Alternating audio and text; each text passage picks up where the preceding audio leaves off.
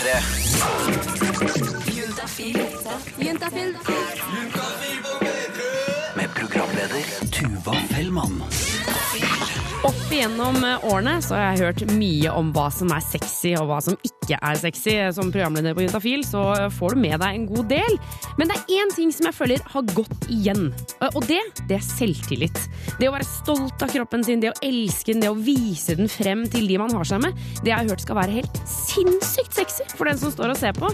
Og det er kanskje ikke så dumt, for kroppen er jo noe av det flotteste vi har. Men for mange så er det ikke nok. Og da tenker du kanskje på de som slanker seg til de blir sånn bitte, bitte, bitte små prikker og vi nesten ikke kan se de. Eller de som fjerner ribbein for å få Barbie-mage og se helt fabelaktig ut på stranda. Det er ikke de jeg tenker på. Jeg tenker på de som pynter kroppen sin. De som tilfører den noe. Eh, Og det er torsdag, du hører på Juntafil. Jeg heter Tuva Fellmann, og i dag så skal vi snakke om det å pierce og det å tatovere seg. Og gjerne nedentil. P3. Dette er P3. The Wombats ute med ny låt uh, Your Body Is A Weapon. Fikk den her på Intafil på NRK P3. Uh, Tuva Fellmann heter jeg, og helt siden jeg var liten, eller spesielt da jeg begynte å bli litt sånn jentete, så har jeg likt magen min veldig godt. Jeg har vært veldig opptatt av jentemager. Jeg, all, jeg var hun som alltid gikk med sånn kort hopp, bar mage, og syntes navler var så innmari fint. Jeg vet at det er mange som syns det er ekkelt, men jeg syns det var skrekkelig fint. Og etter mye overtalelse hos moren min, så fikk jeg lov til å ta piercing i navlen. Eh, og det var, jeg husker det veldig godt da hun sa at det var greit. Eh, da tok det fortsatt liksom to måneder før jeg faktisk turte å gjøre det. Eh, og jeg husker det altså som det var i går. Eh, jeg var så nervøs at jeg nesten ristet. Jeg hadde med meg pappa og kom inn på dette tatoveringsstudioet. Eh, og den lukten av desinfisering, lyden av at noen tatoveres, og masse bilder av forskjellige tatoveringer. Og da er det særlig alt fra liksom søte bamser til hodeskaller hvor det kommer mark ut av øynene. Eh, og så kommer jeg selvfølgelig da inn på dette rommet, og en kjempesøt dame som da skal gjøre det på meg. Eh, og hun steriliserer og tegner opp. Og, og jeg ligger der og tviholder i hånda til pappa. Altså, jeg tror jeg klemte så hardt at han mistet følelsen i hånda. Eh, og så setter hun en sånn liten klemme på navlen min, eh, som tar bort blodet. Og så var det på tide. Eh, og da skal jeg love deg, det snurra i hodet mitt. Altså, det, jeg klarte ikke å snakke, jeg klarte ikke å se. Det eneste jeg klarte å gurgle frem, var sånn 'jeg er klar'. Og da går den nåla inn i navlen min, og lille Tuva besvimer på flekken. Altså, jeg bare Hodet mitt deisa ned i den stolen, og det var ikke sjans. Og jeg husker jeg syntes det der var ganske flaut, fordi eh, det der var liksom ingenting da, i forhold til de andre, det de andre gjorde på det tatoveringsstudioet. Men selv i dag så tenker jeg, hvis det var så fælt for meg å ta piercing i navlen, hvordan er det å gjøre det liksom der nede? Helt nederst, sette på klypa og kjøre en nål gjennom tissen? Det skal du straks få vite, for om ikke så lenge så kommer Elisabeth på 25 år innom, og hun har gjort akkurat dette. Det får du rett etter Blurred Lines. P3. P3.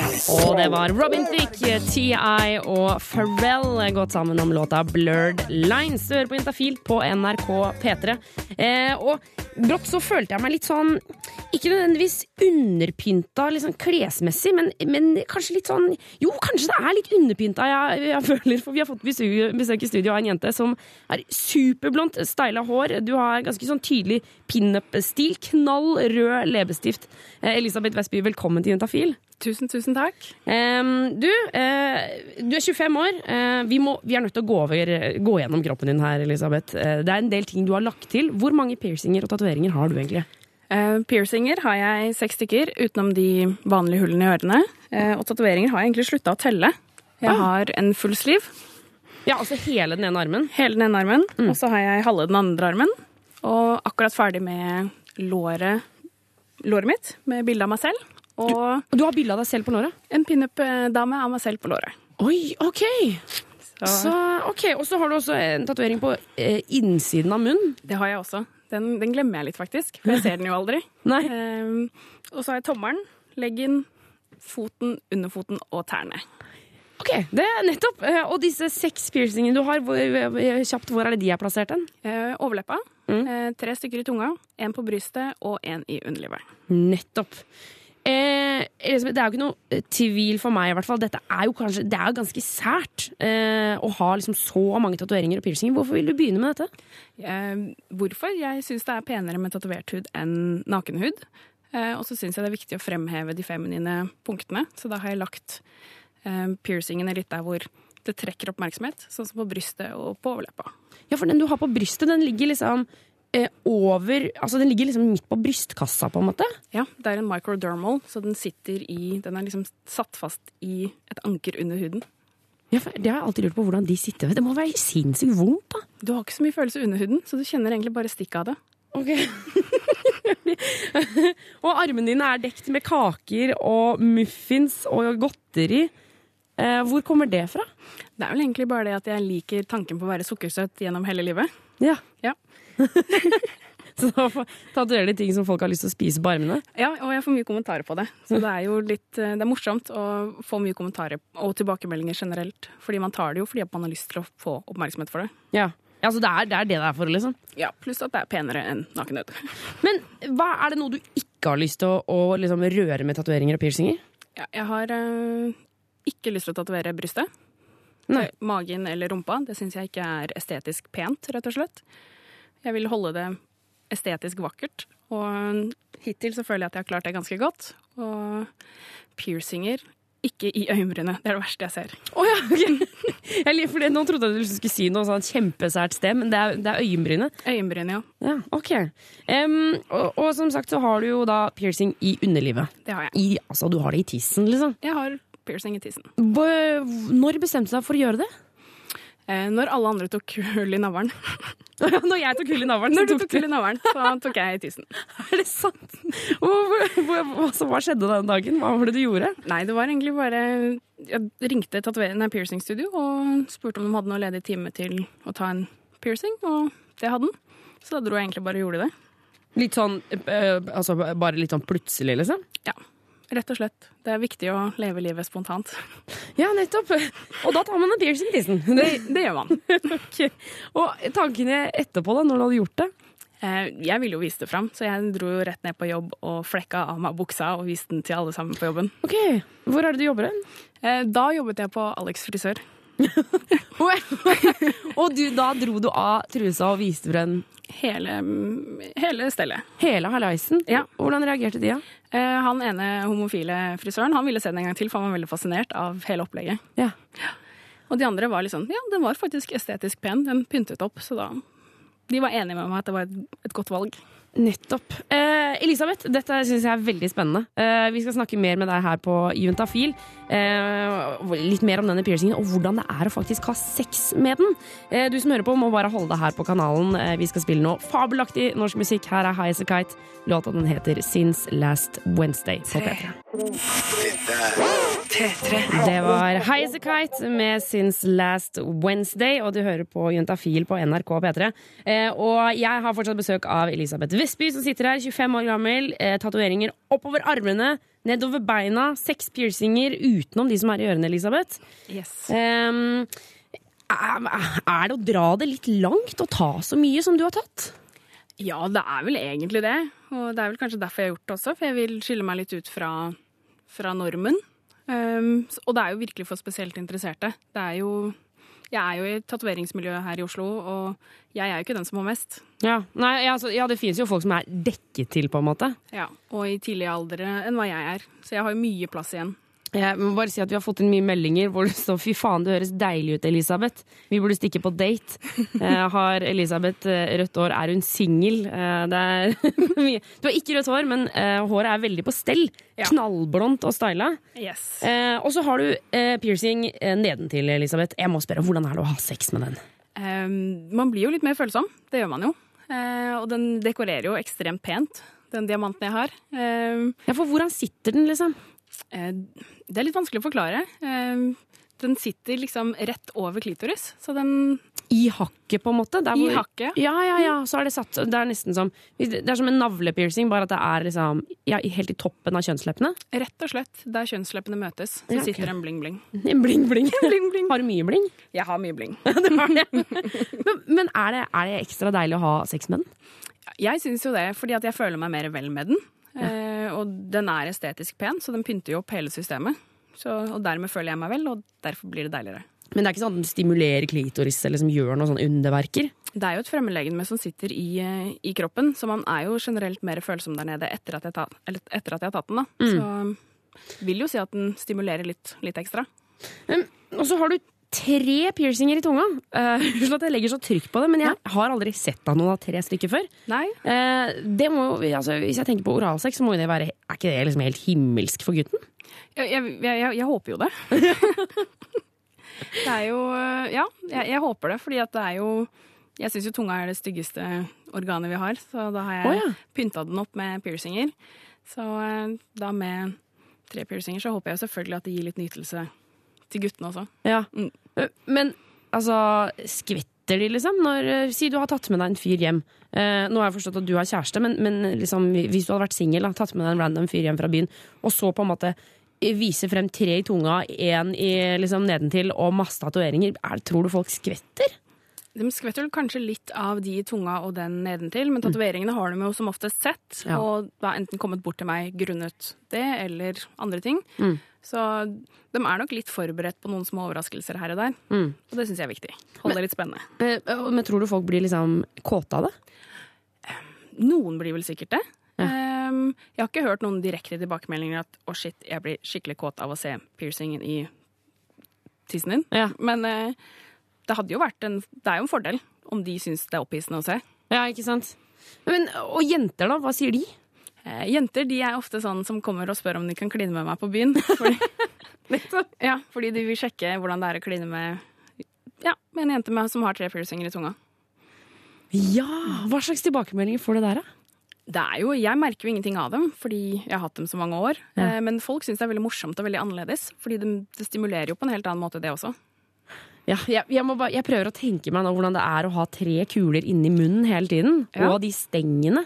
Men det altså, det kjennes ut som at man har liksom drops i munnen hele tiden. I hvert fall kanskje i starten. I starten var det litt sånn, eh, men det er jo noen ganger hvor jeg må gå og se meg selv i speilet og bare geipe til meg selv og bare Å ja, nei, men de sitter her ennå. For jeg kjenner dem jo ikke. Ja. Og, Gjelder det den som du har nede også? At du ikke kjenner den lenger? Ja, er, Når jeg står i dusjen, så må jeg liksom titte bare for å se at den ikke har dette vekk. Ja, ja, ja! Har det noen gang skjedd at den har falt ut sånn i trusa? Kul, Ja, kula har, eh, kula har ofte Hvis jeg går med blondetruser, så, så lager kula hull, så har jeg ofte en diamant utenfor trusa. Ja, for da gnager den seg liksom Den gjennom. gnager gjennom. Det liker jeg godt. Du, eh, Elisabeth, tusen takk for at du kom innom Juntafil i dag. Jo, vær så god. Eh, og du kan jo sjekke ut bildet av Elisabeth. Det ligger både på Facebook-sidene til Juntafil og ikke minst eh, Instagram-kontoen til P3. Sjekk det ut. Elisabeth, ha en strålende kveld videre. Tusen takk for det. Vi fortsetter videre. Her er Ylvis. Låta heter The Fox. Juntafil fra fem til åtte på P3. Mr. Little Jeans med låta Oh Sailor, og før det Ylvis og The Fox eh, her på P3. Og eh, vi hadde nettopp besøk av Elisabeth på 25 år. Eh, du kan sjekke ut bilder på både Facebook-sidene våre og Instagram-kontoen til P3. Men eh, jeg så på Twitter nå at Ståle han har tvitra 'kjører buss for tog'. Helt ok. Vel, helt til jeg og 34 pensjonister pluss to stresskoffertmenn måtte høre på Juntafil sin piercing-spesial.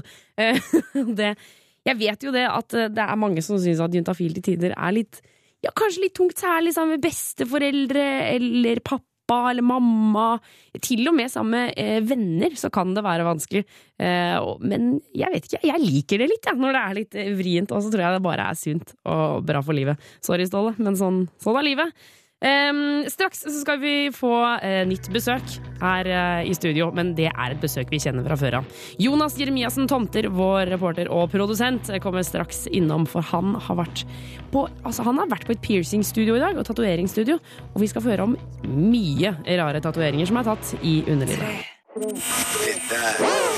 Briskeby med klassikeren Propaganda, tolv over halv seks på P3. Og eh, jeg, Tuva Fellmann. Hadde jo tenkt å introdusere deg som et vanlig menneske, men nei, det ble ikke noe av. Jonas Jeremiassen Tomter, velkommen. God kveld i stuen. God kveld i stuen. Og hei til alle på buss eh, for tog. ja, nettopp. Stakkars menneskene på buss i dag. Um, Jonas, kan ikke du fortelle hva er det du har drevet med i dag? Jo, altså jeg er jo livredd eh, tatoveringer og piercinger. Jeg føler at Du er sånn som kryper inn i et hjørne når du hører den lyden. Ja, ja, nei, og jeg kunne aldri, aldri talt meg selv. Jeg, hun, eh, hun som var her nå, hun Elisabeth, hun, hun, hun kledde det veldig godt. Så det er jo folk som kler det. Ja. Men jeg kan aldri gjøre det. Så derfor så vet jo ikke jeg så mye om hvordan det er eh, på sånne steder. Hvor du får tatoveringer eh, og piercinger. Så derfor så har jeg besøkt en tattosjappe og en piercingsjappe i dag. Og, og først så skal vi dra på, eh, på tatoveringsbutikken. Jeg er i en hyggelig butikk i Oslo, og du hører lyden av hud som blir fargelagt i bakgrunnen. Hei! Og damen som sier hei, heter Linn Therese, og jeg jobber som tatoverer på Memento Tattoo. Og hun sitter og stikker på en trivelig kar. Jeg heter Petter Tinglom, og jeg får tatovering.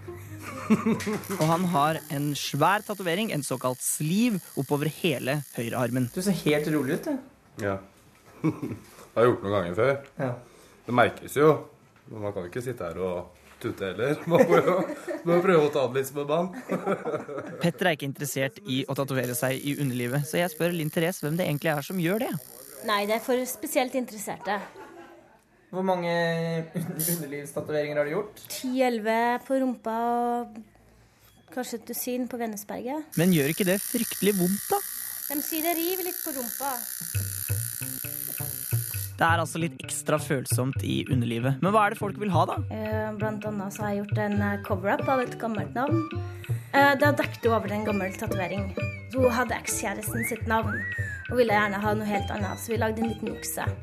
Det var en godt voksen dame, hun var oppe i 50-åra. Hun var veldig glad i kyr. Så hun ville ha en liten okse. Men hvilke andre ting er det folk vil ha tegna nede i underbukseland, da? Um, navn på kjærester, godt voksne, gifte, er det som regel som tar det på Vennesberg. På tross av advarsler. Det er noen som heter en tattoo curse. Hvis du tatoverer navnet på kjæresten din, så blir det som regel slutt etter en liten stund. Er det sant? Det skjer i veldig mange tilfeller. Jeg tror motparten kanskje blir litt skeptisk når kjæresten kommer hjem med navnet. Det er jo tross alt permanent. De er som regel dypt forelska, så de tror ikke på at det kommer til å gå ille. Ofte så ser de en to-tre uker etterpå og vil dekke over. Å nei! Ja, det er litt trist. Men kan, kan du ikke liksom, kunne du ikke bare ha sånn jukseblekk eller et eller annet sånt for de folka, da? Sånn at uh, Nei, det går ikke. De vil ha ekte. Ja. Ja. Det skal være evig kjærlighet, og derfor skal det foreviges med en tatovering. På rumpa så kan det være ganske mye forskjellig. Jeg har gjort eh, et uh, romskip. Fargelagt resten av rumpa som en sånn nattehimmel, så den er helt svart. Jeg har uh, signert mitt eget navn på rumpa til en kunde. Hvorfor, hvorfor det? Han trodde at jeg ikke kom til å tørre å gjøre det. så nå skal han fylle opp navn, hele rumpa med navn til eh, som har tatovert han. Ja, for han har tatoveringer over hele kroppen, han da. Ja, han er ganske godt dekt. Så, Mm.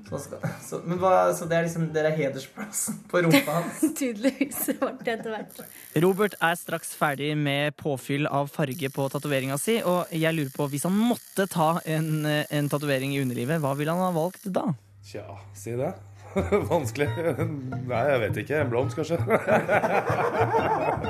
Hvor det er liksom en blomst rundt Ja, jeg vet ikke om en, eh, en lang rose, eller jeg vet ikke. Lang rose, ja. Hva skulle du ha tatovert hvis du skulle hatt noe i glufsa? Eller rundt, da? Eh, rundt, da, rundt så kunne jeg tatt noe liksom sånn humoraktig, men hvis jeg først skulle hatt det liksom inni slufusen, da Nei, Da tror jeg jeg hadde gått for noe sånn kreativt, noe sånn labyrint eller noe. Jeg Ja, vet ikke, men jeg har jo veldig lite lyst på det. da Det kan jeg jo si med en gang. Ikke gjør det. Ikke gjør det hvis du ikke har lyst. Uh, Nei, det er, det er ingenting ved det som frister, faktisk. Hvis jeg skal være helt ærlig. Men etterpå skal vi snakke om piercinger i underlivet. Det er mange som har det òg. Det er mer vanlig. Ja, ikke sant? Og det er det. Mer vanlig. Ja, så, ja det skjønner jeg jo. Nå sa jeg det som om jeg hadde forsket på det. Det har jeg jo ikke gjort. Så, men jeg regner med det er mer vanlig. Forsker Jonas Jeremiassen samtidig. Eh, hold deg på P3 for å eh, få høre hvordan det er eh, å ta piercing på noen i underlivet. Rett etter Jake Bug. Jake Bug, What Doesn't Kill You, straks eh, ti på seks. Eh, Jonas? Ja, Ja. Uh, piercinger tror jeg ikke dreper deg. Det, det, jeg har hørt rykter om at det kan. Er det sant? Ja, fordi du kan eh, særlig Altså, det jeg hørte da da jeg tok piercing i navlen, eh, så var det så mange som frarådet meg å gjøre det, fordi da kunne man sa ryktene om man kunne få en infeksjon som gikk inn i magesekken, og så bare ble alt ødelagt. Og så, men kanskje etterpå, uh, syslege Karina hun kommer innom, og kanskje vi kan stille henne det spørsmålet om man kan dø av infeksjon fra piercing. Absolutt, det det, det, må vi finne ut av. Det blir i neste time av Juntafil.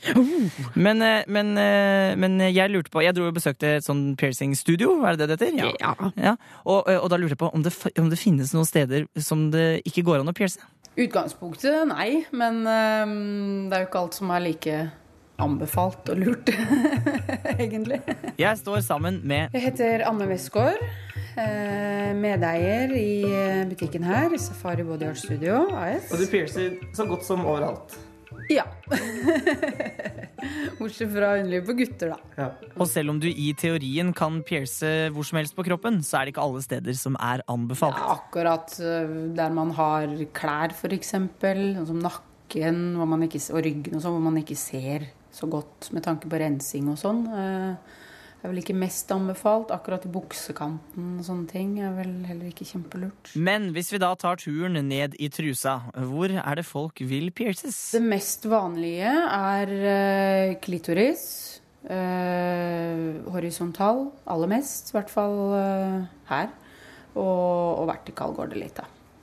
Ellers så er det litt eh, eh, i kjønnsleppene. Både utvendig og innvendig. Men eh, aller mest eh, klitoris. Det er det.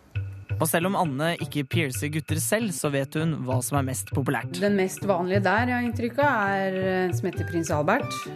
Som sitter da Hvordan blir det? På undersiden av penishodet. Vi er i butikken til Anne, og vi tar turen bak forhenget og ser hvor selve stikkingen skjer. Altså vi renser jo og markerer og måler og alt sånn. Og så bruker vi da en, en, eh, en tang eh, for å holde markeringen av huden og sånn i ro, da. Så man lettere Og den her er pakka inn i en sånn uh... Den er sterilisert, så den er ren og fin og klar til bruk. Eh, og så bruker vi jo da kanyler bruker vi da, som vi lager hullet med. Ja. med nål. Men hvorfor i all verden vil noen eh, pierce seg i underlivet? De har jo en funksjon, da. I hvert fall den horisontale klitorisen er eh, veldig fin. Både funksjonsmessig og pen å se på. Det skal jo se litt pent ut også når man gjør sånn. Så det blir altså bedre med å ha den? Uh, ja.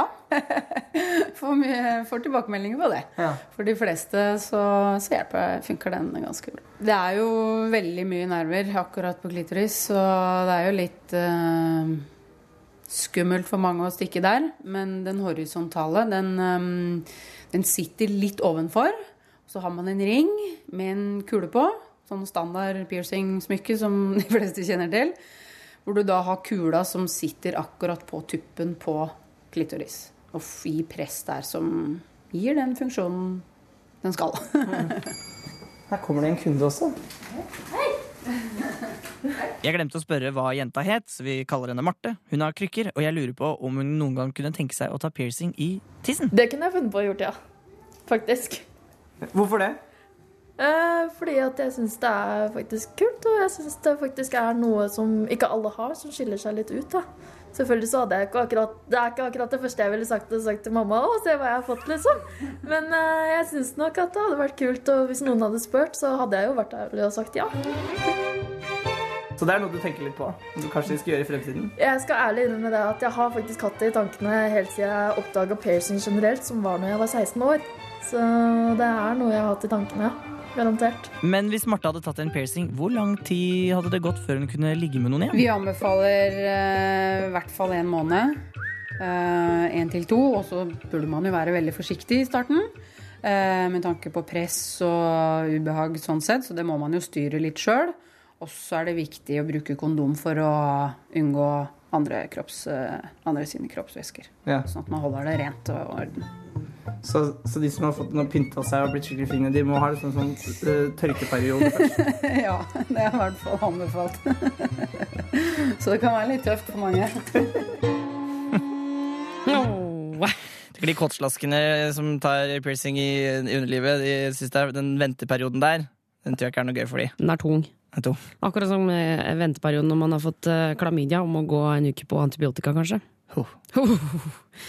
Jonas Eliassen Tanter.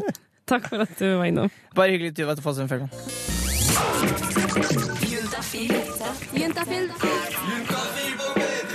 Med programleder Tuva Fellmann. Og jeg må bare fortelle eh, dere der ute at det er ikke lenge siden det tikka en SMS inn på min private telefon eh, her nå i studio. Eh, Det var fra en kompis av meg eh, som jeg ofte krangler med når det kommer til juntafil. For han mener at han er utlært. Han sier at han trenger ikke å høre på juntafil eh, fordi han lurer ikke på noe når det kommer til sex, kropp og følelser. Han har dame i mange år, han har ligget fra seg, han er liksom ferdig med det og eh, trenger ikke dette programmet, sier han. Men i stad eh, så hadde vi besøk av Elisabeth på 25 år og som hadde, hun hadde piercing nedi sjølveste sluffhusen. Eh, og jeg personlig har jo alltid lurt på hvordan det er å ha sex med en sånn, så jeg spurte jo om dette og gravde og gravde. Og det viste seg at han kompisen min, han lurte også på hvordan det var å ha sex med den. Og det var ikke det eneste han lurte på. Han, det, altså det rant inn SMS-er fra han med spørsmål han ville at jeg skulle stille henne. Og det er fordi jeg tror det ofte er sånn da, at det alltid ligger noen spørsmål eh, som man kanskje bare må trigges litt for å faktisk tørre å spørre. Eh, det er ikke alle, som, alle spørsmål som man bare braser ut med i et eh, svært rom og sier sånn 'Å, jeg lurer på, hva skjer hvis jeg har fått klamydia nå?' Sånn er det jo ikke. Eh, så derfor så har jeg nå åpnet eh, din offisielle Juntafil-SMS-innboksen. Nummeret inn det er 2026 koder av Juntafil. Og eh, jeg som sitter og leser de, og syslegen sitter og leser de, vi får aldri vite hvem du er. Det står bare akkurat SMS-en din eh, og tidspunktet du har sendt den. Så send inn ditt spørsmål om sex, kropp og følelser. Ta med kjønn og alder på slutten av SMS-en, eh, så vi får gitt deg et ordentlig svar. Jeg heter Tuva Fellmann, du hører på Juntafil, blir her frem til klokka åtte. Spør om hva du vil når det kommer til sex, kropp og følelser, enten det er klamydia, kukost eller p-piller. 2026, kodeord juntafil. Juntafil svarer på dine spørsmål. Det stemmer, for nå har vår syslege Karina kommet inn i studio. Velkommen til Juntafil, Karina. Tusen takk. Du, du jobber for noe som heter SUS, Senter for ungdomshelse, samliv og seksualitet. Jeg er alltid like amazed hver gang jeg klarer å si det. så, sånn, så vidt rett før jeg snubler i jordene. Um, men dere sitter og svarer på eh, både SMS-er, telefoner og mailer og det som er hver eneste dag. Eh, og på torsdager så er du innom her, og da kan du som hører på sende, en, eh, sende inn ditt spørsmål til 2026. eh, Ta med kodeorientafil og kjønn og alder. For vi får jo ikke vite hvem disse folka er, eh, Karina. Nei. Så derfor så er det viktig med kjønn og alder, er det ikke det? Ja, det er veldig lurt. Det blir lettere å svare da. Vi har fått inn en, melding fra gutt 17. Hei, jeg har fått noen rare utvekster på penis. Er det dette som er kjønnsvorter? Hvordan får jeg de vekk? Hmm. Ja, altså øh, For å svare på det første til øh, 17 år gammel gutt, da, så er jo Hvis det har kommet noe som har vokst over øh, overflaten på penis, at det liksom har løfta seg litt opp På skaftet, liksom? Ja, det høres ut som det er det. Mm, mm. Ja, mest sannsynlig kjønnsvorter. Ja. Men øh, det, det er bare hvis at man har hatt sex, da, at det, du kan få det. Ja, for Kan man få vanlige vorter på, på kjønnsorganene, eller er det da kjønnsvorter? liksom? Nei, det tror jeg ikke du kan. Men du kan få andre sånne nuppegreier. Ja. Ja. Nuppegreier, det Ja. liker jeg. Ja. De kan man egentlig få hvor som helst på kroppen, men de ser litt annerledes ut, og det, jeg tror ikke de fleste ville tenke vorte da. Nei, ok. Nei. Men uh, uansett, da, uh, så har han jo fått noen noe utvekster, som han sier, på penis, og det vil han sikkert ikke ha. Nei, det er jo vanlig å ha lyst til å fjerne de. Jeg tror det er derfor han har sendt melding til oss. Ja. Og det, hva kan han gjøre med det? Han kan vente og se om det går over seg selv, eller så kan han gå til legen sin. Og legen har litt forskjellige muligheter til å hjelpe han med det. Um, han kan, legen kan fryse den vekk. Ja, Hvis det er sånn- kjønnsvorter, så, så fryser de det vekk. Men gjør de det på tissen også? Er du sikker? Gjør de det? ja, man gjør det. Du putter ikke tissen inn i et fryser, liksom? Ikke hele, ikke hele tissen. Men litt av den? Inn i et fryser? er- Nei, det er en sånn liten, ser ut som en penn, ikke sant? Og så okay. er det iskaldt ytterst der. Men der hvor man har vorte, der kjenner man ingenting. For det er vorten, ikke deg. Å ja, så det er ikke noen følelser? Nei, selvfølgelig ikke. Det skal ikke. gjøre så veldig vondt, altså. Nei, skjønner. Ubehag, kanskje. Mm. Ja. Og så, eh, hvis man ikke har lyst til det, da skal man bruke en salve istedenfor, men den koster ganske mye penger. Ok. Ja, Så det er ikke så populært, da. Men det, er, eh, det funker veldig bra, det òg. Så, så bare for å liksom oppsummere her. Hvis det er sånn at gutt 17 har hatt sex med noen, Mm. gjerne ubeskytta sex, så er det mulig at dette er kjønnsvorter? Ja, ja. Uh, ja, ja, ja. Det Eh, er ikke da, mange som har det. Ja. Uh, ja, men ja, for hvor vanlig er egentlig kjønnsvorter? Kjempevanlig. Når man, det eh, ja, det er så vanlig at eh, eh, Men vi, vi er ikke så opptatt av nøyaktig hvor mange, for det er ikke farlig, vet du. Nei, Nei, men vi kan, eh, vi, man har anslått sånn kanskje 10 for det i løpet av livet. Og 10 da, og da snakker vi om de som faktisk får noen som de legger merke til. Da, for det er mange som får sånne bitte små som de aldri ser. Ja, ok. Ja, særlig jenter, vet du. Det er ikke så godt å se nedi der. Man, Det er jo liksom ikke noe fri bane fra øyet og ned der. Nei, da må du ha speil og det som er. Ja, så de, mange jenter har det uten å merke det, men de som 10 kanskje som merker det. Og så um, Det viktigste syns jeg er å si at det ikke er farlig. Ja, fordi, altså, bare veldig kjapt Det er jo ja, Jeg synes det er alltid mange som sier at eh, nei, men kjønnsvorter det kan føre til kreft i livmorhalsen, og det er, det er mye frem og tilbake der. Men jeg har forstått at det er en annen type vorter. Det er liksom fetteren til kjønnsvortene. Ja, det er ikke vorte. Oh. Det er fetteren til viruset. Oh, ja. Ja, for det er det som er, altså Grunnen til at man bare kan få kjønnsvorte hvis man har hatt sex, er jo fordi at det er et virus Mm. som overføres fra et, eh, et kjønnsorgan til et annet, for å være litt instrumentell. Ja. um, og det, det kan jo ikke skje uten at man har sex, for det, den hopper jo ikke over På sats. Nei, nei. Og jumper over. Nei, er, nei, ikke noe sånn flyveekornoppførsel i det hele tatt på det, det viruset. Det Nei. må være inntil. Okay. Og det, det viruset, det er det som har en fetter av, vet du, som gir kreft. Ja, ok. Ja. Ok. Um, gutt 17, kom deg til legen og få fryst av disse vortene. Eller bare eller veldig, eller salve eller pensi, sånn pensle med sånn der, stoff som dreper vorten. Man trenger ikke fryse. De, de fleste syns sånn som du at det høres skummelt ut. Ja. Ikke, trenger ikke prøve det først. Ok. Men gå til fastlegen. Det var lurt. Eh, nummer inn er 2026. Koder er juntafil. Eh, ta med kjønn og alder. Å, herregud, jeg glemte å spørre om dette med piercingene. Karina, du skal jo bli her lenge. Vi skal Jeg skal spørre om piercing om man kan dø av det. Ok. Jeg har hørt rykter om det. Jeg har hørt rykter om det. Få svar på dine spørsmål om sex, kropp og følelser. Send melding til kodeord juntafil til 2026. Oi, oi, oi. Syslege Karina, du er her fortsatt. Ja. Eh, du, rett før låta her. Jeg, vi har snakka mye om, om piercing i dag, eh, særlig nedi halaisen. Men da jeg Jo, vi har det. Da jeg var eh, liten, eller yngre, og skulle ta piercing i navlen, eh, så hørte jeg et rykte om at eh, hvis du fikk infeksjon, så kunne du få infeksjon som du kunne dø av. Er det sant? Og det blir sånn em, Det blir sånn umulig spørsmål, eh, Tuva. Okay. Sånn eh, det er, det er sånn Kan du dø av å, å være forkjøla? Eh, ja, altså Kan man dø av å være forkjøla? Teoretisk sett så kan du dø av alle sykdommer, da. Men, eh, eller ja, pff, Du kan dø av infeksjon i et sår, som er liksom eh, det du får da hvis du tar en piercing og så får infeksjon, Ja. og så skulle dø.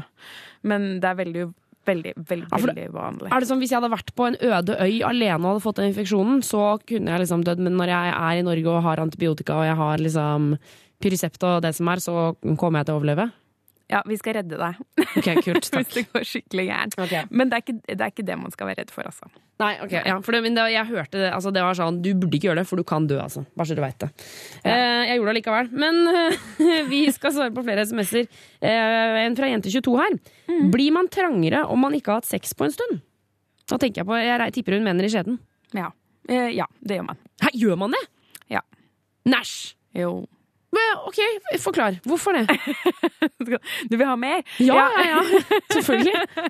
altså, det som er, er at eh, det er en muskel, et muskelorgan denne skjeden er. ikke sant? Det er et ledd rør som er eh, muskelvev. Ja. Og når, du, når det ikke er noe inni der, så vil den eh, eh, ikke utvides. Og da vil jo den bli eh, mindre og mindre, rett og slett. For sånn oppfører muskel seg. Men det er ikke uendelig, det gror ikke igjen. Nei. Fordi at eh, det er jo en overflate som, eh, som det er eh, væske inni og sånn, det veit vi, ikke sant? Mm. Um, men når du har samleie, da, Mm. eller putter noe annet inn i skjeden, så strekker du den litt. Akkurat som hvis du tøyer musklene dine etter trening.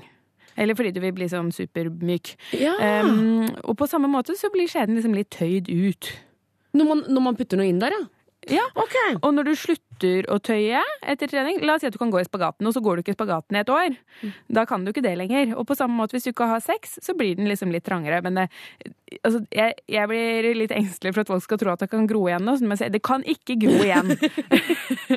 Men den blir litt trangere. Og så, og så så for eksempel da, hvis man har en partner som har en veldig stor penis, så vil den vise ut mer enn hvis man har en partner som har liten penis. Men hvis man bytter fra en med stor til en som har liten penis, så vil den bli litt mindre, og det er jo litt av grunnen til at dette, dette med om man har stor eller liten penis ikke har så stor betydning. Ja, fordi eh, skjeden liksom Den former seg Den etter hvert tilpasser seg rett og slett litt. Det syns jeg var hyggelig å høre.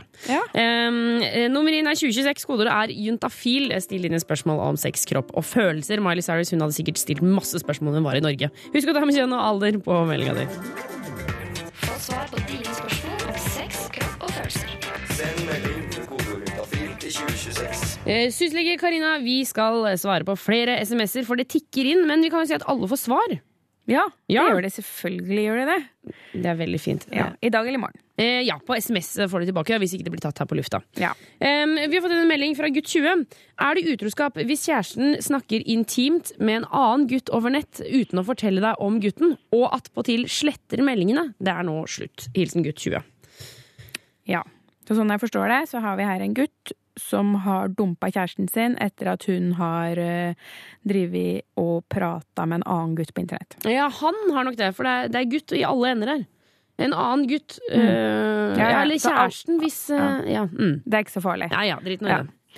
Um, ja, om det er utroskap eller ikke hmm.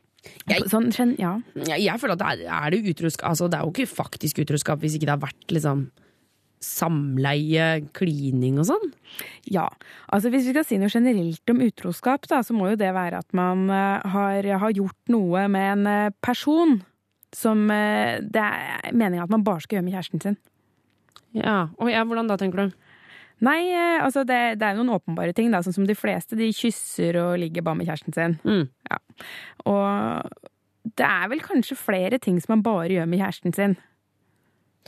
Ja, det, ja, det er jeg jo helt enig i. Ja, liksom, å snakke, måte, snakke om ting man har lyst til å gjøre sammen, for eksempel. Eh, lyst til å ha sex, man har lyst til å kline. Den snakken er jo kanskje Det gjør man jo heller kanskje ikke med andre. Nei, altså i mange forhold vil jo det ikke være, ikke være akseptert av en eller begge. Og om det her skal defineres som utroskap eller ikke, det er jo kanskje ikke så, så relevant. Da, men det, det, jeg, det jeg liksom hører litt i den meldinga der, er at eh, han mener at kjæresten hans har gjort noe som egentlig han bare skulle gjort med ham. Ja. Ikke, ikke den andre mannen eller gutten. Ja, og så blir det jo det derre hvis, hvis dette er en hund, da, eller hvis kjæresten har sletta Hun har ikke fortalt om denne andre personen hun har snakka med, og sletta alle sporene. Så om det ikke er utroskap, så er det i hvert fall utrolig altså, fishy oppførsel, syns jeg. da Jeg, synes ikke, jeg hadde ikke syntes det var greit hvis kjæresten min gjorde det samme. Mm. Jeg tror vi er litt inne på det her, fordi at eh, man vil gjerne ha ord og, og kalle forskjellige ting. Uh, og kalle det utroskap, og så er det liksom greit å ikke synes det er greit. Men det er jo ikke det som er eh, nødvendigvis det viktigste. Det viktigste her, tenker jeg, er at når man har en kjæreste, så har man et slags Altså, hvis man blir kjæresten noen, så er det litt som å liksom signere på en kontrakt hvor man skal gjøre, eh, gjøre i hvert fall det så godt man kan for at den skal ha det bra, Ja. den andre personen. Og, og da å drive og ha hemmelige samtaler på internett med andre potensielle partnere, det, det tror jeg vi Det vil jeg støtte han eh, som skriver til oss i at det ikke er greit, og uansett om du kaller det utroskap eller ikke. Det er Ja. stygg ting å gjøre. Ja, jeg er enig i det også. Eh, men så virker det som at Eller det står jo nå at det er slutt, eh, Ja. så ja, det kan jo hende at det Ja, kanskje det er like greit. Altså, jeg, ja, jeg kjenner jo selv, når jeg snakker om det nå, at hvis kjæresten min hadde gjort det, så hadde jeg jo blitt rasende. Og hadde ikke likt det i det hele tatt. Nei. Um, ja. Skal vi bare si det, da? Det er ikke nødvendigvis eh, så viktig å sette det i bås, men uh, bare vi kjenner på om det er greit eller ikke. Og hvis ikke det er det, så er det jo ingen grunn til å fortsette med det. Nei. Vi skal svare på flere spørsmål. Nummeret inn er som alltid 2026. Kodeordet er juntafil. Husk å ta med kjønn og alder på SMS-en din. Om ikke så altfor lenge så er det duka for sexnyheter, men aller først Daft Punk. P3. Daft Punk og Pharrell Williams, Lose Yourself to Dance, og du hører på Juntafil. Og vi er selvfølgelig opptatt av at du der ute skal eh, holde deg oppdatert, eh, følge med på nyheter og det som skjer rundt omkring i verden. Og klokka den har passert eh, halv syv, og derfor er det på tide med en liten oppdatering av det som har skjedd rundt omkring i verden, og det er selvfølgelig Jørn Kårstad som gir den til deg. Du hører på NRK P3. Dette er Seks nyheter. God kveld. Dette er ukas viktigste nyheter. Menn går saktere for å få seg noe, og Jenna Jameson benekter pillemisbruk etter TV-skandale. Men vi starter i California. Pornostjerne kastet av fly. Den profilerte pornostjernen Mary Carey måtte fjernes av politi under en ruteflyving fra California til Miami i går onsdag. Carey var ifølge flyets besetning for ruspåvirka, og flyvertinnene hadde problemer med å vekke stjerna. Politimenn frakta Carrie til flyplassens terminal og nekta henne å ta et annet fly da de fant ut at Carrie hadde miksa alkohol med reseptmedikamenter. Til slutt måtte 33-åringen kjøres til Miami i bil. Menn går saktere når de tror de skal få seg noe. Det kommer frem i en undersøkelse utført av Universitetet i Washington, skriver LA Times. Forskningsrapporten viser at menn ubevisst går saktere ved siden av det motsatte kjønn, mens kvinner på sin side alltid går i samme tempo uansett hvem de går ved siden av. Grunnen til at menn sakter på tempoet skal være fordi underbevisstheten tror det kan påvirke fruktbarhetssjansene til kvinner. Ifølge antropolog Carol Wall Sheffler ved universitetet så en i tidligere samfunn at kvinner som forsøkte å holde tritt med menn, forbrant livsviktige kalorier og energi som en trengte for å produsere avkom. Janet Jameson, welcome to Good Day New York. How are you? Den tidligere pornostjernen er i hardt vær etter at hun mandag ble tatt av lufta i det amerikanske TV-programmet Good Day New York på Fox 5. Jameson var på showet for å promotere sin nyeste bok, men 39-åringen snakka utydelig og stotrende da hun ble intervjua om boka. It's about me. It is about you. It is about me. So tell us the- Dette førte til at intervjuet, som skulle vare i to deler, kun varte i ett, ettersom programlederen mistenkte at ekspornostjernen var påvirka. Jameson sjøl sier hun rett og slett var utslitt. Så spørs det om ikke sannheten ligger ett sted imellom. Dette var Ukas sexnyheter. Mitt navn er Jørn Kårstad. Husk å dom alltid. Få svar på dine spørsmål om sex, kropp og følelser. Send melding med kodeord til 2026. Og eh, vår flotte, fantastiske syslege Karina sitter her, pen og pyntelig, klar for å svare på spørsmål. Ja. ja. Særlig de første tingene. Ja, pen og pyntelig også. Veldig pen. Ja. Um, vi har fått inn en melding til 2026, kodeord juntafil. Når jeg tar kjæresten min i doggy, får hun veldig vondt. Hva er grunnen, og hvorfor? Uh, noe vi kan gjøre for at det ikke skal bli sånn. Hilsen gutt 18. Uh, vi kan jo kanskje bare forklare hva doggy er først, for de som ikke veit det. Det er jo når jenta står på alle fire, og gutten står bak, og, og liksom eh, har sex med henne på den måten. Da. Mm. Det er vel doggy da, for at man ser ut som en hund, tipper jeg. Ja. Um, og da gjør det vondt. For disse. Ja. Ja. Og, og så lurer de på om de kan gjøre noe med det. Altså Først, da, så hvorfor gjør det vondt? Det gjør vel, altså Sånn er det for alle, at eh, i en og annen stilling så gjør det vondt. Og noen ganger så blir det et mønster, ikke sant? At det er den samme stillingen som gjør vondt hver gang. Og for å Det blir et kjedelig svar, da, fordi at når du, når du har samleie, så er jo penis langt inni kroppen til jenta. Og der er det jo myke ting. Um, og hvis du treffer noe av det uh, på et uheldig måte, så gjør det vondt. Og veldig ofte så er det snakk om livmortappen da, for kvinner. Ja, for det gjør eh, vondt hvis man kommer borti den for mye? Ja, for mange så gjør det det. At det rett og slett blir veldig ømt. eh, Og, og det kan også være at det blir strekk og strekk på andre ting som henger fast i, i, i kjønnsveiene, da. Um, Og så hva kan- skal de gjøre med det, da? Ja, men fordi jeg måtte bare si Det det kan jo hende at det, fordi Ofte så anbefaler vi jo stillingen doggy til folk som eh, sliter Eller hvor han føler at han ikke kommer langt nok inn. For det er en Mhm. stilling som, hvor kjønnsorganene ligger veldig tett mot hverandre, så du kommer jo maks langt inn. Så hvis han da kanskje eh, treffer henne for Altså at det, det er det som skjer, at det går går for langt inn for henne med den stillingen, da. Det kan veldig godt hende, for det- du har nok rett i det at bare på grunn av rent sånn mekanisk, da, så blir det veldig tett kontakt. Ja.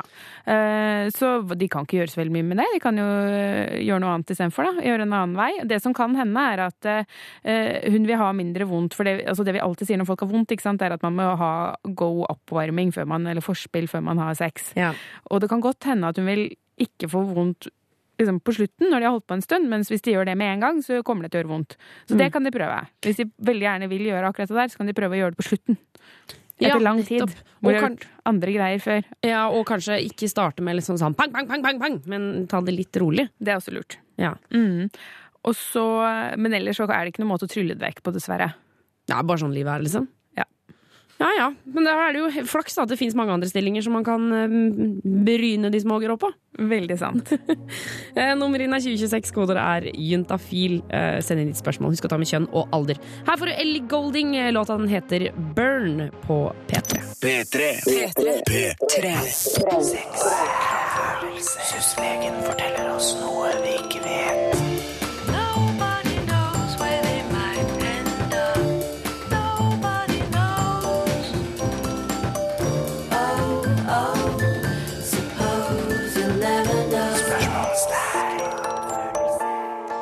Nettopp eh, for suslege syslege Karina. Du og de andre suslegene er jo utvilsomt uh, mye smartere enn meg. Dere er jo det! Dere er mye smartere enn meg. Kan sjukt mye greier. Men alle veit jo at det ikke er, det er ikke tullinger som kommer inn på medisin, liksom. Eh, så jeg, jeg blir alltid så fascinert. Jeg føler at dere sitter på så mye informasjon. Ja. og en gang i uka så får jeg lov til å dra det ut av dere. Så nå er jeg spent. Du skal fortelle meg noe jeg ikke veit. Ja, det er jo sant at eh, vi sitter på mye informasjon da. Det er jo en grunn til at vi, vi gjør det. Det er fordi at det er masse flott forskning som er gjort på, på sex og kropp og følelser. eh. Men sånn har det ikke alltid vært. Nei, å nei. Eh, og derfor tenkte jeg kanskje at jeg skulle snakke litt om, om han som startet det hele. Ok. Mm. Han heter Alfred Kinsey. Og, Seff. Han har sånn rart navn, så klart. er det Alfred Kinsey? som, som jeg reagerer på? Begge, ja. sammensetningen av det. ja, ikke sant? Og han er den første moderne sexforskeren. Ja, ok. Ja, og det er noe morsomt, morsomt hvordan han starta opp med dette. her da. For Han startet opp som eh, sexforsker eh, etter at universitetet ba han um, om å holde et kurs for studenter. Et uh, kurs for studenter som bare, bare de gifte kvinnelige studentene som fikk være med. Hæ? Oh, ja. Og det, det skulle handle om sex. Men ekteskapelig sex. Ja. Og, altså, Fuglene veit hvorfor de skulle ha, ha kurs om sex, disse gifte kvinnene. Det skal jeg ikke spekulere i, men ehm, eh, det er jo litt underlig at universitetet spurte han om det, for han, eh, han var jo egentlig sånn insektforsker. Han har sittet og sett på sånne fluer som pøker rundt omkring. Og så bare, Dette kan du fortelle om. Ja, ikke sant? Han, han eh, er samme type sånn forsker sånn som han, eh, han i den serien som heter Bones. Han eh, doktor Hodgins. Ja, ja, ja, ja, ja, det, var, det var han i utgangspunktet. Det var okay. det han holdt på med. Ja. Um, og det, det sier jo noe om hvor lite, hvor, hvor lite sex- sexforskning vi hadde før han, da. Ja, Det var ikke akkurat storsatsinga, Men liksom. man måtte ta han. Du som vet så mye om insekter. Kan ikke du? Kan ikke du fortelle når vi skal ha sex som Ja, mennesker? disse damene de trenger å lære litt om sex av en eller annen grunn, disse kvi- gifte kvinnene. Ja. Nei da, så, men han var jo en vitenskapelig fyr, så når han skulle ha det kurset som han sa ja til av en eller annen grunn, Mm. eh, så prøvde han jo å finne ut hvordan, eh, hvordan, hva man visste, da. Og så fant han ut at man vet ingenting. Man vet ingenting? Man vet ingenting om sex, nesten. Så da, da ble han over natten sexforsker. Nettopp da tok han på seg sexkappa. Da tok han Ja, og akkurat det Da, da kommer du det, det, er, det er veldig lett å begynne å snakke om, om hva han fant ut når du sier sexkappa. For det er en av de tingene han fant ut, da, og som da eh, sjokkerte på typisk 50-tallet, da, hvor mye av hans eh, kunnskap kom, eh, ble publisert i bøker og, tidsskrifter. En av de tingene var jo at han, han avslørte at disse gifte, representa representable kvinnene og mennene som han hadde studert, de, blant de var det jo både sadomasochister, Ja. og, og det var en rekke som ikke bare var heterofile. Og det var jo uhørt og fullstendig.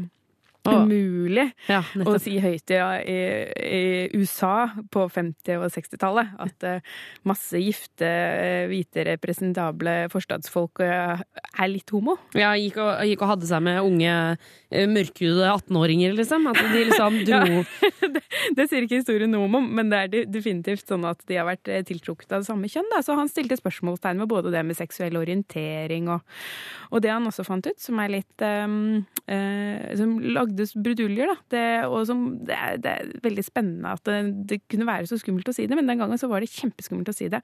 Og det var jo eh, dette med utroskap. Oh ja, At folk var utro, liksom? Ja, for det, det tror jeg heller ikke at man var så, så komfortabel med å tenke på at det var vanlig. Og i hvert fall ikke at kvinner var det. Nei! Men for eksempel så, så talte han jo opp, da. Han var jo veldig, veldig, veldig vitenskapelig. Han pleide å telle insekter, og nå telte han kvinner og hvor ofte de, de hadde seg med andre enn menn enn de de var gift med. Ja. Og da, bare allerede når kvinner var blitt 40 år, så, oppdag, så fant jo han ut at én av fire av de hadde jo hatt Ja, hadde vært, vært vært, annen. vært i en annen sidegate. Mm. Du kan jo tenke deg hvordan det Nettopp! Og det, og det er rart, for de to tingene som, på, som vi vet øh, så, altså, så klart og tydelig, det ble helt katastrofe når han øh, la det frem i, i en bok eller tidsskrift. Ja, ikke sant? Og jeg syns at han, eh, han må vi, vi må snakke litt om han av og til. For det er, jo, eh, det er jo akkurat sånn som du sier, at vi vet masse greier om sex som vi ikke visste.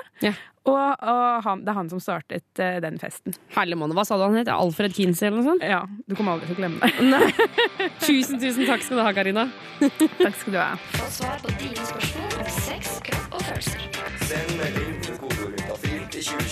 Og eh, syslege Karina, den siste timen har gått utrolig kjapt, for du skal ta den siste SMS-en for dagen eh, nå. Ja. Eh, Men alle som ikke har fått svar, de kommer til å få det i løpet av morgendagen på SMS. Eh, Og du kan fortsette å sende inn meldinger frem til klokka åtte. Eh, Nummeret er 2026, koder er juntafil, og så står det her på en melding som har tikket inn. Jeg har oppdaget en klump på størrelse med en ert i pungen. Den gjør ikke vondt, den er bare litt øm. Hva kan dette være? Hilsen gutt 21. Ja. Ehm, det er jo et uh, relativt vanlig fenomen at man oppdager noe i, i pungen. Um, og når man gjør det, så er det veldig viktig å gå og sjekke det. Ok. Og det er fordi at uh, en klump i pungen kan være Det kan faktisk være sånn testikkelkreft. Men er det, liksom, er det sannsynlig for at det er det? Det er jo kjempeskummelt, da. Det er kjempeskummelt. Og det, de fleste som har en klump, har jo ikke kreft. Ja. Men noen har det. Og når han sier at eh, altså, det var ømt, ikke sant? Ja, ikke vondt, men ømt. Ikke ømt. Nei, ikke vondt, men ømt, ja. Og det, det kan godt eh, altså, det, det at det ikke er vondt, det er det mange som tenker ja, men da går det bra. Mm. Men sånn er det ikke. Og det syns jeg er viktig at vi, at vi sier at når du har en klump, så hjelper det ikke at den ikke er vond. Den er like skummel til det motsatte er bevist. Men det, jeg synes jeg, det er jo veldig, veldig lite skummelt å gå og sjekke det her, for når du går til legen da, så kjenner legen litt. Eh, sånn som du har gjort sjøl. Og så lyser kanskje litt.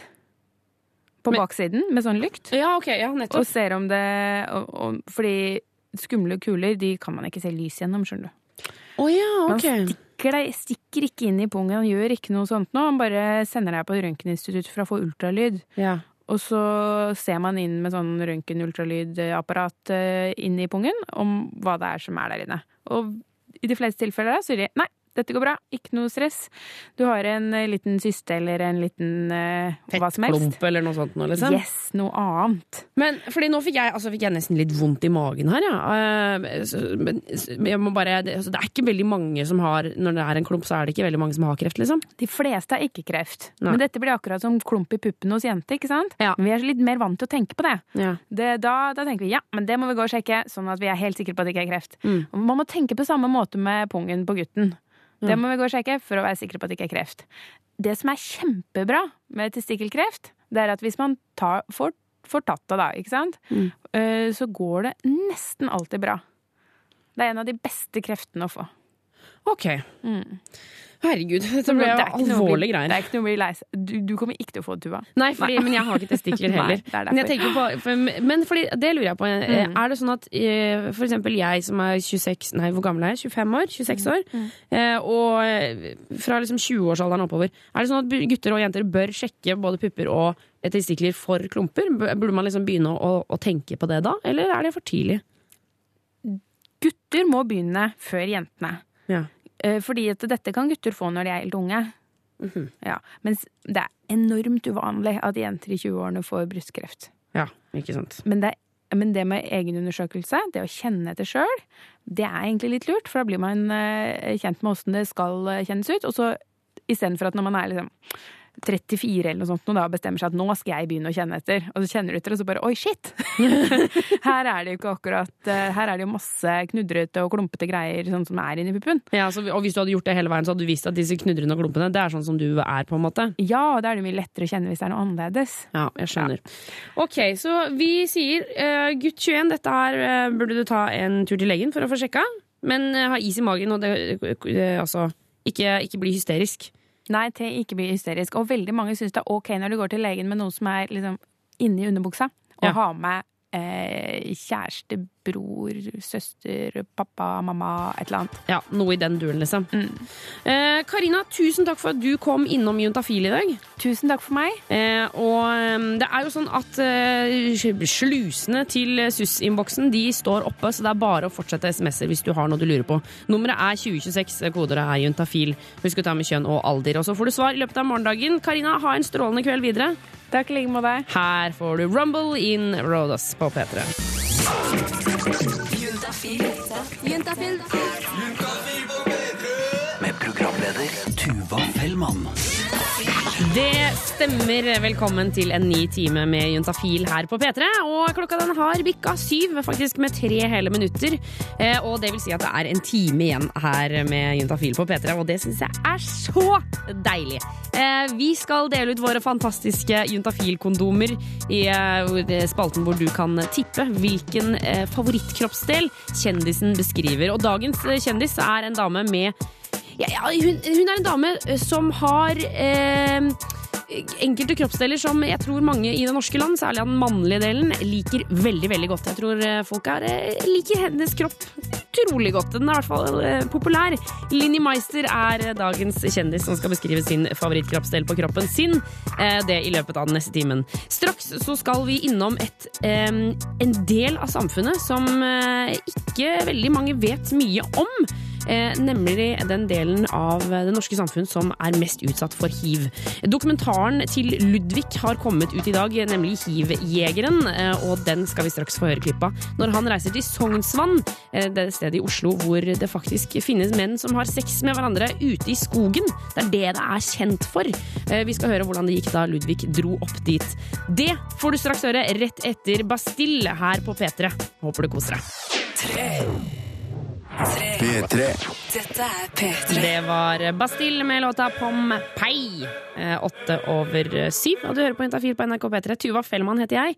Eh, Men vi skal raskt hoppe over til en annen P3-ansatt, nemlig eh, Ludvig Løkholm Levin. For eh, bare for noen få timer siden så kom hans nye P3-dokumentar ut. Du kan selvfølgelig finne den på p3.no og nrk.no. Eh, Denne dokumentaren den heter Hivjegeren. eh, og den sirkler rundt en del av det norske samfunn hvor hiv-smitten forekommer mye hyppigere enn andre deler av samfunnet. Ludvig han er ute med et lavterskelstilbud som driver med gratis hiv-testing av menn som har sex med andre menn. Og hjelp, dette gjør de ved hjelp av en, en liten test eh, som bare tar noen minutter, i motsetning til flere uker som det er hos vanlig. Hvis du går til legen, så tar det jo mange uker før du får svar. Eh, her får du da bare på, bare på liksom lite minutt, da.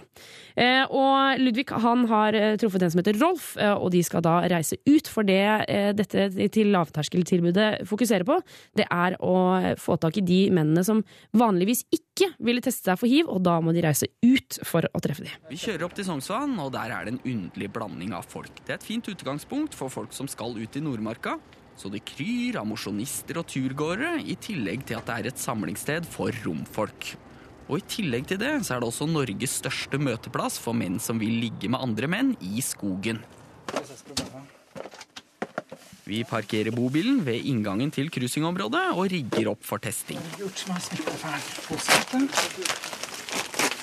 Og det blir satt opp et campingbord og stoler utafor. Det dekkes på med kjeks, kaffe og brosjyrer med informasjon. Når folk kommer, så eh, får de en liten info som de leser gjennom først, i forhold til at de skjønner hva slags tilbud de er med på, og hva slags tilbud de benytter. Atle er i ferd med å få opp eh, campingstolene. Da har vi alltid to eller tre på jobb, da. Hvorfor det? Både litt sånn sikkerhetsmessig, men også i tilfelle hvis det skulle skje et eller annet. da, at vi er flere, vi er flere hender eh, som kan ivareta flere personer samtidig. Eh, for noen ganger så drar vi bare rett til Ullevål eller drar rett på klinikken. Eh, så er det hyggeligere å være flere. I tillegg til å teste folk, distribuerer Helseutvalget kondomer i området. De er strategisk kamuflert i to bokser forma som fuglekasser, så folk bare kan komme og forsyne seg, og vi går opp i skogen for å fylle på disse. Men er det så enkelt? Altså, nå går vi eh, inn i skogen på en slags over en bro og inn i svarteste skauen. Men eh, er det så enkelt som at eh, Der går det folk rundt. Så rart. Dette er så rart. Se her er det tørkepapir. Vi må ha en Ruskin-aksjon snart, tror jeg. For å få fjerna litt søppel. Det er jo et minus. At de ikke tar med seg søpla si. Det er det minste vi kunne forvente. Det er ofte det som skaper litt trøbbel her også. At folk ikke rydder opp etter seg.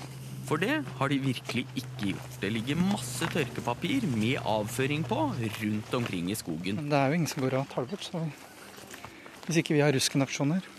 Det har vi av og til. Det er ganske ekkelt. Men vi gjør det av og til. Hvor stor del av disse kondomene havner eh,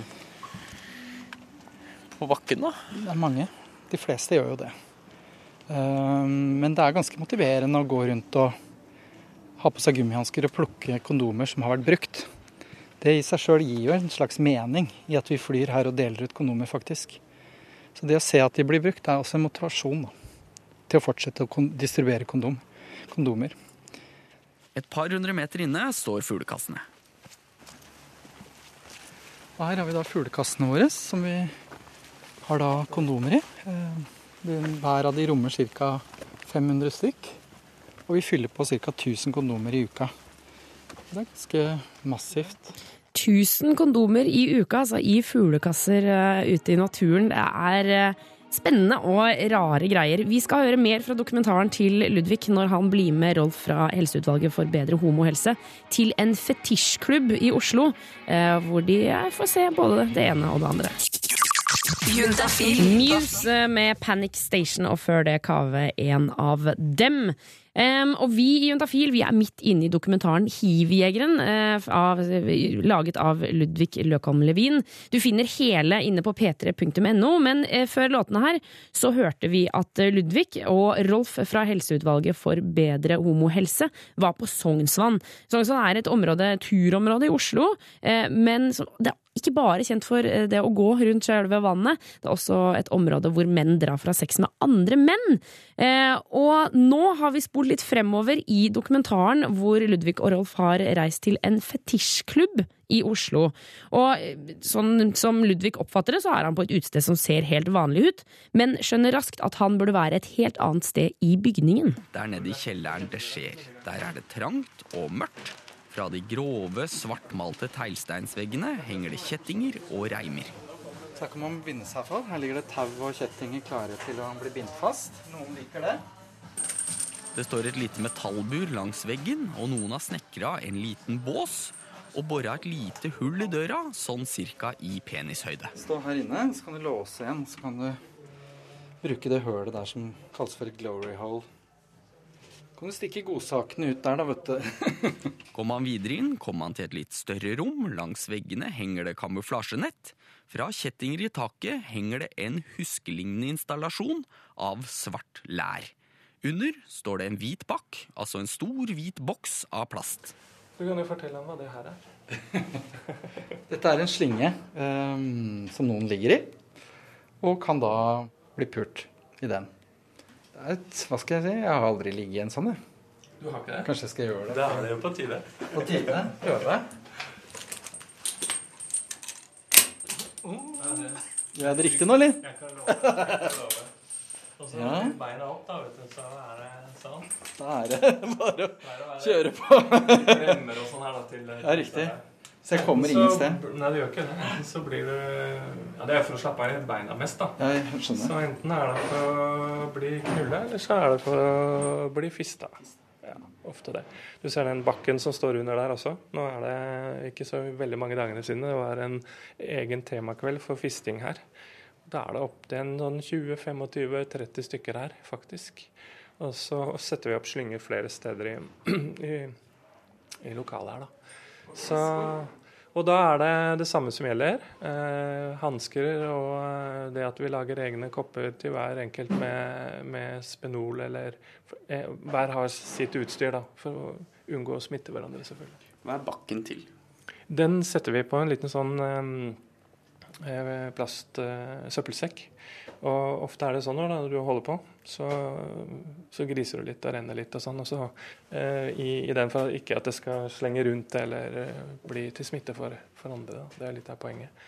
Og så kastes og ryddes dette her når kvelden er over. De pleier å vare lenge, noen av disse her. Folk eh, holder på. Man kan bli litt sliten, og så går man og tar seg en pause, og så kommer man tilbake igjen. Eh, og du kan høre resten av denne dokumentaren eh, på p3.no dokumentar. Eh, for etter hvert, når de er på denne fetisjklubben, så går de inn på et rom hvor de da setter opp denne lille boden som gjør at de kan teste folk for hiv. Det her er en dokumentar som vi i Tafil anbefaler på det varmeste. Jeg hørte den i stad, hele, og den er altså så viktig å få med seg. p3.no. Gå inn og hør dokumentaren til Ludvig Løkholm Levin. Her får du Alina Deversarski, 'Gå for langt' på P3. P3. Red Hot Chili Peppers, Danny California, to over halv åtte her på Juntafil på NRK P3. Tuva Fellmann heter jeg. Og eh, forrige uke så hadde vi eh, utenlandske besøk. Det er ikke så ofte vi har her i Juntafil. Eh, Sasha Gray eh, kom innom P3, og eh, for deg som ikke vet hvem hun er, så er hun tidligere pornostjerne eh, fra USA. Hun er, nei, vel, hun er en av de pornoskuespillerne som er mest Altså, hun er veldig kjent i USA, da. Eh, og hun er bare 25 år gammel og har nå skrevet en bok. Og det var derfor hun var innom oss eh, på, på P3. Men eh, jeg stilte jo noen spørsmål til henne om eh, denne pornokarrieren, for jeg som aldri har spilt inn en pornofilm før, jeg vet jo ikke helt hvordan det funker. Eh, og hun kunne fortelle at eh, det var veldig profesjonelt, og de gikk veldig ordentlig for seg. Eh, men det var viktig at man ikke gikk over hverandres grenser. De, hun sa at de fortalte tydelig til hverandre hva, hva de ville gjøre, og hva de ikke ville gjøre. Eh, og så spurte jeg om det nå var noen som en gang gikk over eh, grensa. Somebody did something on accident, and and then I punched the wrong guy. Oh my goodness! you have to start from the top. What happened? Some guy. Well, I used to like my breast slapped, and then I realized maybe over time it's not the best thing to continue to do. Um, I want to stay looking nice, so I, I, in my uh, professional life when I was still performing, after like a year and a half or something, I said, you know, that's not okay to do anymore. I'm not comfortable with that, and um, some guy did it, and I'd worked with him before, where when I was still okay with it, and I, I didn't know it was him. I thought it was somebody else, and I punched the guy in the nuts. In the And- nuts? Oh yeah, and and everybody stopped. The camera guy stopped, and they said, and he goes, "It wasn't me." And the other guy said, "I'm sorry, I forgot." so yeah, I punched the wrong guy in the nuts. It's pretty funny. Eh, og du kan høre resten av dette intervjuet på, eh, om du stikker inn på radio.nrk.no. Eh, der ligger det også, kan du selvfølgelig laste ned podkasten til Juntafil, som du også finner på nettsidene til NRK da, og P3 sine. Det var ganske mye spennende og rart som kom ut av den dama. Eh, sjekk det ut alt sammen for å høre om merkelige duppeditter hun har puttet i seg, og ja, det som er. Eh, straks så blir det konkurranse her på P3, men aller først Saint Lucia. Her får du Elevate på P3. Saint Lucia med låta Elevate. Det er på tide med konkurranse. Jeg har alltid vært veldig glad i meg selv, og de selvbillettene er da et uttrykk for en, um, kan man si, en selvglede. Nå er det din mulighet til å gjette norske kjendisers favorittkroppsdel. Del, del, del. Jeg har alltid vært veldig glad i meg selv. Del, del, del, del. For Jonas, du må jo på en måte være med på dette her. Så du må jo være med å gjette, du også. Ja, jeg, jeg og lytterne vi er i samme båt. Eh, Jeg aner jo ikke hva vi, hvilken kroppsdel denne kjendisen vi skal ha i dag, snakker om. Så jeg, er, jeg og lytterne, nå sitter vi i en stor båt sammen. Ja, en, en kjempeskute, faktisk. Um, for det er jo sånn at du der hjemme du kan vinne Juntafil-kondomer. Fortell dem hvor fine Juntafil-kondomene er, Jonas. De er dritfine. Jeg har en foran meg her. Uh, og der står det på forsiden Den er hvit, og på forsiden så er det en blå uh, skrift. Så står det Juntafil, og så P3-logoen ved siden av. Mm. Og bakpå så står det Eller inni så står det 'Hva smaker sæd?' Typen min vil at jeg skal svelge. Hilsen jente 16. og inni der så ligger det en, en kondom som du kan tre på en penis, sånn at du kan slippe sykdommer, barn osv. Ja. Eh, I hvert fall uønskede barn. Ja, eh, dagens kjendis det er en eh, svært sjarmerende dame. Eh, veldig søt, veldig hyggelig. Jeg tror ikke det fins noe vondt i henne. Hvem er det? Eh, det er Linni Meister. Tror ikke det, det fins 5 mot igjen. jeg. Nei, ikke 5 altså, eh, kanskje 1 tror jeg. Hun er altså så jæskla hyggelig at det er ikke måte på. Um, og du som hører på, kan sende en mail. Uh, gjør den klar allerede nå. Uh, adressen er juntafil, krøllalfa, nrk.no. Skriv ned navn og adresse, så vi vet hvor vi skal sende uh, kondomene. Og så skal du tippe da, på hvilken kroppsdel dette her er. er du klar? Har du noe forhåndstipping, Jonas? Å, nei, det, men jeg skal finne en penn her. Ja, finn en penn, du. Nå har jeg en penn og Post-It-lapp. Klar! Ok, da skal vi høre. Det er altså juntafil, fra nrk.no. Den kan være flat, den kan være rund, den kan Den kan pierces, den kan eh, være veldig, veldig hard. Og den kan være veldig, veldig myk. Det er altså en kroppsdel Linni Meister snakker om her. Eh, og så er det jo spørsmålet hvilken, da. Eh, har du noen immediate, eller altså, plutselige tanker, Jonas? Ja, men Jeg har ikke lyst til å si det riktig ennå, fordi jeg, ikke lyst Altså, du er ikke klar? Du er ikke klar? Nei. Nei, Nei, men jeg, jeg tenker at hvis jeg at Jeg kommer til å gi lytterne, da, det som hører på, noen sånn føringer. Ja, nettopp. Jeg Men jeg har skrevet den her på lappen. Ja, ja det Hold den lappen for deg sjøl. Eh, du som hører på, send altså fullt navn og adresse, eh, og fortell eh, hvilken kroppsdel det var Linni snakket om. Og når du sender den, så er, det, er du med i trekninga av, en- av juntafil-kondomer. Nå ble jeg ukonsentrert her. Sette på en låt, eller? Ja, ja, ja. ja, ja, ja. Juntafil. Kakk, motherfucker, someone you offer, det Macklemore og Thrift Shop. Jonas, er du klar for eh, konkurranse? Kan vi bare snakke litt om kakk, Kakkemadafakka først? Uh, ja, ja. ja, ja. For, ok, litt om kakk, kakkemadafakka. Jeg syns bare det er så rart navn. Kommer du med det nå, som vi har spilt i liksom eh, Ja, men- et år? Men jeg føler liksom at det, er, det er liksom kunne vært et køddeband som vi i Juntafil hadde lagd. Skjønner du hva jeg mener? Ja, jeg skjønner. Men jeg, jeg kan godt tenke meg at det er sånn de starta navnet. Eh, at de liksom fader, motherfucker! Ja. Ja, det er en kakk, motherfucker! Det er en kakk! Ja, og så bare «Hei, Vi kaller oss kakk, motherfucker. Men tror du de angrer på at de ikke kalte seg liksom The Hulus? The Stones, eller ja, noe sånt? Ja, the, Ro- the Rolling Thunder Bees. Altså noe mer vanlig bandnavn, da. Jeg vet ikke, Jeg føler at det set, navnet setter seg jo veldig. Eh, alle som har hørt navnet Kaka Madafaka, de husker det, tror jeg. Og så er det en fin låt. Det hjelper jo også på. Eh, hjelper helt klart på. OK, jeg er ferdig. Jeg er ferdig. Ok. Jeg har alltid vært veldig glad i meg selv, og de selvbillettene er da et uttrykk for en kan man si, en selvglede. Nå er det din mulighet til å gjette norske kjendisers favorittkroppsdel. Jeg har alltid vært veldig glad i meg selv. Alltid vært veldig glad i meg selv. um, og vi av dagens kjendis som beskriver sin uh, kroppsdel, det er Linni Meister. Eh, og um, skal vi, skal vi høre, høre klippet hennes en gang til? Ja, og så skal jeg si hva jeg tippa det var. Ja, ja, eh, og for det er fortsatt mulighet for å være med i konkurransen. Altså. Ja. Hvis du er rask på labben, så er det bare å skrive en mail til juntafil, krøllalfa, nrk.no, og uh, ta med navn og adresse, og så kan du tippe på hvilken kroppsdel Linni beskriver her. Den kan være flat, den kan være rund, den kan Den kan pierces, den kan eh, være veldig, veldig hard. Og den kan være veldig, veldig myk. Ja, veldig veldig hard og veldig veldig myk. Jonas, hva, hva tror du? Veldig veldig hard og veldig veldig myk. Jeg, jeg har eh, skrevet på Post-It-lappen min samme svar som ei som heter Sandra, som har sendt inn mail. eh, Har, har sendt, brystvorte har jeg skrevet. Brystvorte har du skrevet, Ja, ja. for det, den, den kan være myk, den kan være hard, den kan pierces. eh, så det tror jeg det er. Du Jeg og Sandra er på lag. Mm, Ja, nettopp. Vi har fått inn flere eh, svar, eh, blant annet fra Vilde og Oskar. De eh, sier magen. Så nå blir det jo spennende å se om det er Sandra og Jonas eller Vilde og Oskar som vinner. Eh, Let's! Det er sånn, eh, sånn brytekamp. Vi skulle, jeg vil gjerne hatt sånn der In the corner! From the left! Wilden Oscar! Få høre hva er det Linni liker best.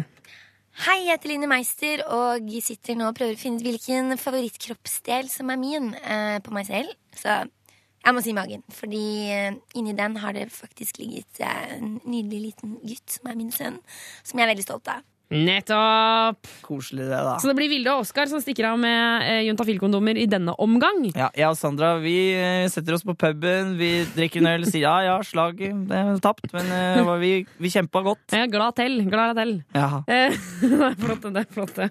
Jeg liker at du og Sandra går og tar en pils. Ja, ja, ha det. Her får du Carnival Kids høre på Juntafil på NRK P3. Hør flere podkaster på nrk.no podkast. P3.